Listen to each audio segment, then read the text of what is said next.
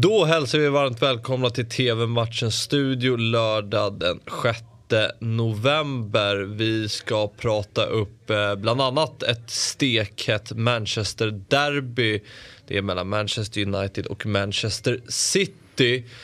Eh, det är en eh, väldigt härlig match som kickar igång den här Premier League-helgen. Ett Manchester United som fick ett ja, jag vet inte, många hävdar ju att man förlorade matchen mot Tottenham för att Tottenham eh, man vann ju mot Tottenham med 3-0 men att det var en förlust i sig för att Tottenham knöt sig an Antonio Conte. Mm. Annars hade han varit Uniteds tränare vill många hävda.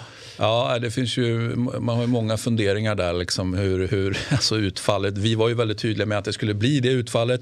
Stor marginal, stor seger. Eh, Jag tror vi sa 3-0 till och med.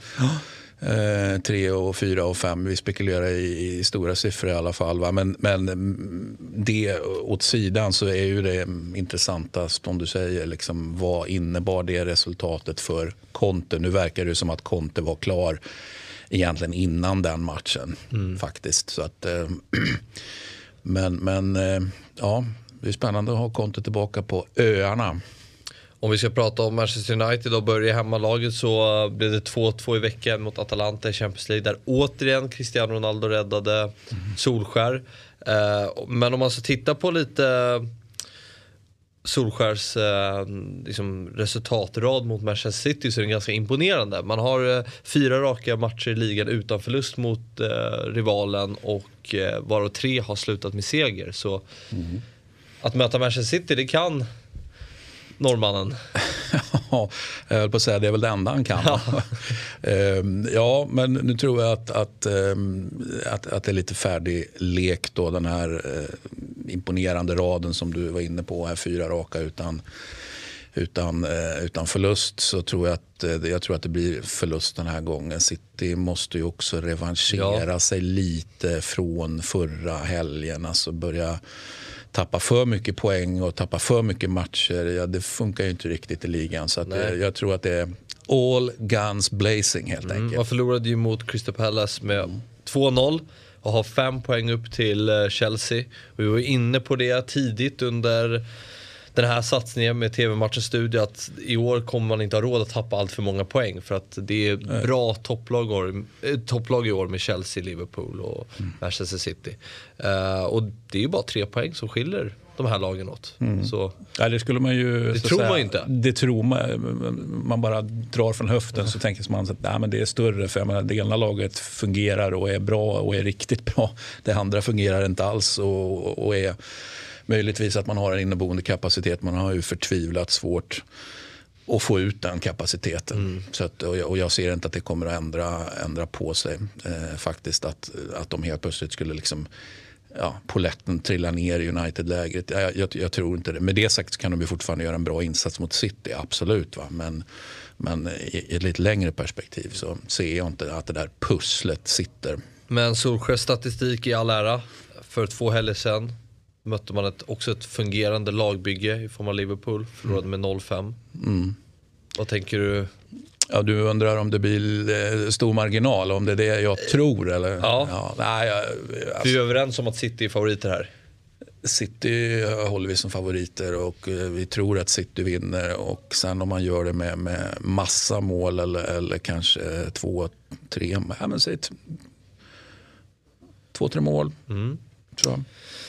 13.30 alltså. Ni ser matchen på Viasat Premium. Nu till ett eh, annat eh, stort rivalmöte. Det mellan eh, Juventus och Fiorentina. Och jag börjar väl där med att, för det är väl ett stort rivalmöte det här. Vad, vad, vad... Extremt stor rivalitet, ja. Var kommer det ifrån?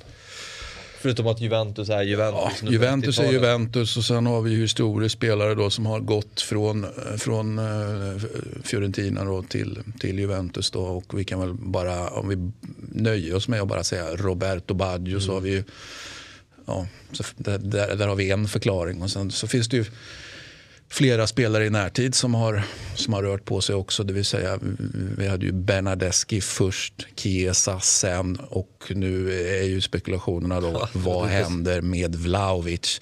Det är någon som säger att han då tackar nej till förlängningen med Fiorentina just av den anledningen att han har någon slags preliminärt ja, understanding helt enkelt med Juventus. Att, att den, jag ska inte säga att, att, att, övergången är klar men att det finns en, en samsyn här och att det nog är Vlahovic som ska bli nya ja, nian i Juventus. Um, tre mål senast mot Spezia för Vlahovic. Mm.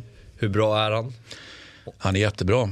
Han är ung fortfarande. Och, eh, det vill säga han lär sig fortfarande. Men han har ju väldigt bra instinkt. Så det, det handlar egentligen bara nu om att finslippa, finslippa, finslippa. Mm. Men, men den, så att säga, råmaterialet i honom är, är, ja, men det bara är jättefint. Jag kommer ihåg när han kom till till Fiorentina. Då var dåvarande sportchefen Covina var ju väldigt tydlig med, kanske inte dag ett så att säga när han kom, men efter väldigt kort tid att ja, men det här är en spelare för, för, för Real Madrid, Barcelona, de allra bästa. Klart man inte nämner Juventus då till exempel.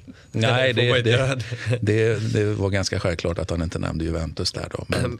Så att han, han eh, har eh, hållit högt, fortsätter att hållas högt och eh, jag eh, håller honom högt, försvarat honom hela tiden. Han var ju lite ensam då eh, mm. tidigare säsonger. Att han fick inte riktigt, ja, men inte tillräckligt bra backup helt enkelt i anfallet. Då, va? Men eh, han pallade det och har bara liksom fortsatt utvecklas. Så att det är imponerande. Mm. Åtta poäng så här långt står Vlahovic på. Uh, Juventus då, måste prata om Juventus som har två förlust, raka förluster i ligan och uh, man börjar halka efter rejält nu. Det är 15 poäng upp till, uh, 16 poäng upp är det till, mm. till Napoli och Milan där på första platsen. Och, ja, mm. det... Nu är vi på det där, 10 poäng kan man tugga ikapp. Det var 13. Ja, det, det kan gå om du hittar rätt liksom svung. 16, alltså nu börjar vi närma oss det där. 20 poäng, nej det tar man inte ikapp. Eh, liksom, det är inte rimligt. Eh, 16, ja det, det kanske är så enkelt att, mm. att, att, att, tåget, alltså ligatiteltåget har gått. Jag kommer ihåg... Inte Champions League-platståget. Men, men... Nej, där har man bara fyra poäng upp tror jag. Uh, men när vi pratade om, eh, eller tre tror jag till Roma, så står på 19 poäng. Men när vi pratade senast om Juventus så började liksom spekulera de här poängantalen som är, som är ointagligt. Att, um... Ja, det går ju en gräns någonstans. Ja, och när du bollade upp då 20 poäng, då är det så här, fan, där kommer aldrig Juventus hamna, att man ligger 20 poäng efter toppen. Ja, men... Alltså, det ska ju inte kunna hända. Nej, men nu är det två raka förluster mot Verona och Sassuolo. Det är ju... Mm.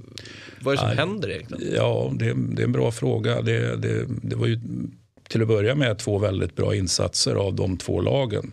Såklart. Eh, men, men bortsett från det så, så, så var det kanske inte så bra insats från, från Juventus sida. Då, så att, jag tror ju att man studsar tillbaka nu i alla fall.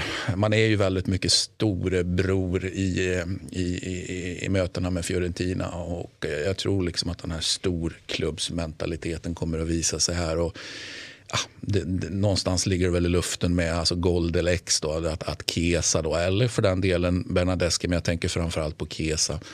Eh, ja, att han avgör det här helt mm. enkelt mm. till, till Juventus fördel.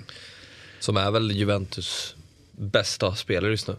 Kesa. Ja, det är ju, höll jag på att säga, grader i helvetet. För det, det, det, det är inte så att de eh, imponerar egentligen någon av spelarna. Men jag tycker han har, har varit bra, ja. Mm. mm. 18.00 startar matchen och ni ser den på Sportkanalen. TV-matchens studio. Vi är tillbaka imorgon igen då vi ska snacka upp söndagens hetaste matcher. Vi ses då. Hej!